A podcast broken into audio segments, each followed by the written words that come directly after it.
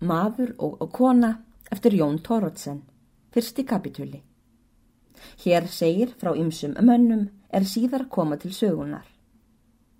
Maður er nefndur Sigvaldi. Hann var Árnason, Sigurðarssonar, Hjaltarssonar, Gunnarssonar Glænefs úr grafningi. Móðir Gunnars Glænefs var Þorgerður í rauðum sokkum, Eyjálfsdóttir hinn Stigra, Jónssonar, Finnssonar, Bjarnasonar Skirbelgs. Hann dó í svartadauða og andaðist eftir að hann hafi getið í einu áttamerkur af óleikju. Þessi ætt verður ekki lengur rækin fyrir að fáar ættartölubækur ná fram yfir svartadauða. Sigvaldi var prestur og bjóð þar sem heitir að stað.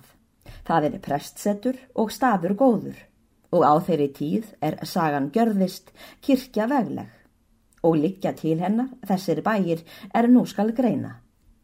Holt og hjalli, háls og hamar, vatn og vogur, tunga og tangi, hóll og fleiri bæir. Hlýð heitir og einn bær þar í staðarsókn. Þá jörð átti Sigvaldi prestur og bjóð þar sá maður er Sigurður hétt Jónsson. Hann var borgfylskur að ætt. Kona hans var Þórdís Bjarnadóttir Hún var kona, vitur vel og hinn mesti kvenskörungur. Sigurður bóndi var búsíslumadur mikill og átti vel lausafið, en ekki aðra fasteign en jörð eina sem hamar heitir. Það er næsti bær við hlýð og þrjáttíu hundruð að dýrleika. Helmingur jarðarinnar var konuarfur, en hinn helmingin hafði Sigurður keift af þeim manni er þórir hétt og þar bjóð. Var það við skilmálum með þeim Sigurði og Þóri að Þórir skildi eiga heimilt að búa á Hamri meðan hann lifiði og kísi að vera þar. Þau Sigurður og Þórdís voru nýjinn á hinn efra aldur. Ekki áttu þau barna á lífi. Höfðu þau átt börn saman en þau dói ung.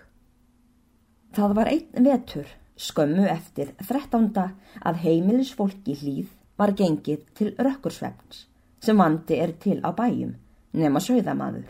Hann var úti. Húsum í hlýð var svo varið að þar var baðstofa í fimm stafgólfum og fyljuð sundur uppi og var lofthús í öðrum enda. Það var herbergi þeirra hjóna, Sigurðar og Þórdísar og voru rúm þeirra sitt hvonu megin langsetis undir hliðunum og borð eitt lítið á millum fyrir miðjum gafli. Fram á baðstofuloftinu og fyrir framann loftústyrnar voru rúm griðkvenna og svo vinnumanna, en fyrir þverum gabli var flet kerlingar nokkurar sem þurriður hétt. Hún var reps og mægi og gömul mjög. Ekki þótti hún dæl viðuregnar ef hún skipti skapi. Þetta sama kvöld sem fyrir skömmu er frásagt hafði Sigurður bóndi gengið til svefns sem aðrir heimamenn. Lá hann í rúmi sínu og svaf fast og hraut mjög. Húsfreyja hafi og lagst nefur en sopnaði ekki. Tekur nú að dimma og líður fram að dagsetri og sopnar hún ekki. Leiðist henni að liggja svo lengur vakandi. Stendur hún þá upp og gengur fram í hústyrnar.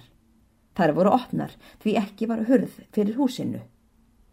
Húsfreyja hlustar eftir hvort allir sofi fram á baðstofuloftinu og heyrir hún þá ekki annað en hrótur og sveblæti í hverju rúmi, nema í rúmi þurriðar kerlingar og verður hún þess vís að hún sefur ekki. Situr hún uppi í rúmi sínu og tautar eitthvað fyrir munni sér, en ekki heyrir Þordís neyn orða skil. Loks heyrir hún að kerling stekkur upp, hart og títt og hleypur fram eftir loftinu allt fram að loftskati. Rækir hún þar og skirpir ofan í gatið og segir Sveið þér sneipa, sveið þér andstegðinn, sveið skratti, farðu fjandi, tu. Á varstu fegin að rökva undan mér og sveið þér, tu. Hvaði gengur nú á fyrir þér, þurriður gamla, sagði húsfreyja.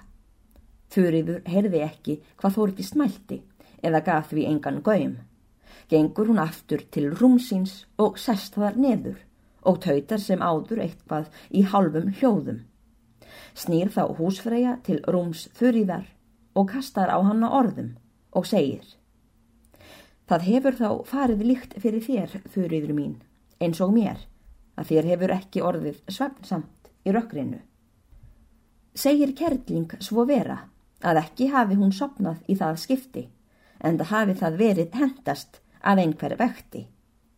Innir húsfreyja hana þá eftir hvort nokkuð hafi borið fyrir hana. Lætur kerling í fyrstu fátt yfir. Sér sé nú tekin að glapnast sín, segir hún. Enda muni fáir trúnað á leggja þó hún segði að eitthvað bæri fyrir hana. En ekki mun mér þykja undarlegt, segir hún. Þó einhver ókunnugur komi hér áður kvöldið er á enda.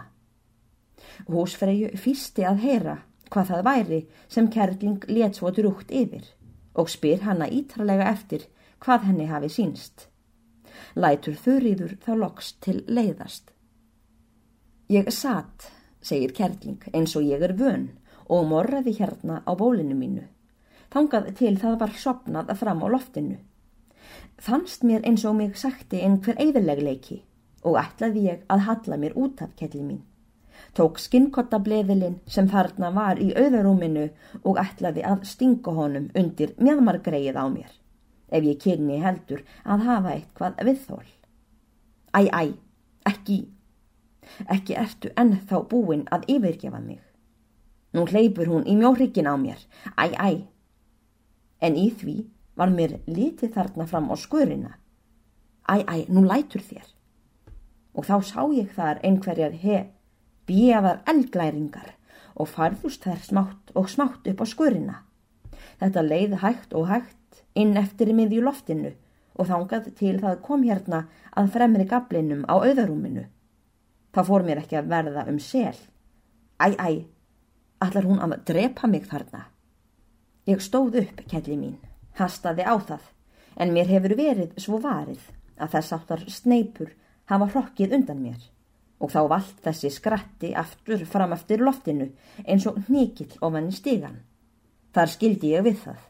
Það var á starfi við meðal sportball, eldrauður ósámi og tindraði úr því á allar hliðar. Þú mótt eiga von á því, þórtist mín.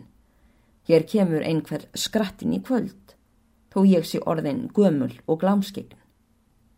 Hver heldur þau það geti verið sem komi hér í kvöld, sagði húsfreyja. Og það veit ég ekki, þórtis mín, saði Kærling. En helst held ég að það sé einhver utan sveitar. Því ekki man ég eftir neinum hér í sveit sem þessi skotli fylgjur. Nema ef það er strákurinn sem kom í vor þar að leiti. Ekki man ég hvað hann heitir, ásmundur eða ámundi, trúi ég. Þó hef ég heyrt að honum fylgi hrútur sem dregur eftir sér gæruna en hann jón á grundum á hund með ljósi í rófunni og strákurinn þar í kvammi á tvo halvmána. Það er vist eitthvað sem ég þekki ekki, kelli mín, en ekki hef ég séð leiðari sneipu undan nokkrum manni. Það mun vera sem þú segir, þurriður mín. Ef hér kemur einhver í kvöld, þá verður hann eitthvað lengra að. En þess vil ég byggja þig að láta fátt yfir þessu því annars fæ ég ekki stúlkurnar til að fara í fjósi í kvöld, sagði húsfreyja. Þar eru þó ekki svo litlar á lofti, blessaðar, ekki nótinn táturnar hérna. Það er líklegt þar þóri um hvert hús, þó ekki sé allt reynd. Ekki kvenkaði ég mér á áronum á meðan ég var og hétt, þó ég vissi af einhverjum slæðing í kringum mig. Það gekk heldur ekki framan að mér á meðan heimakonu skrattin var ekki búin að fara með mjöðminna á mér og drepa mig. Æ, æ,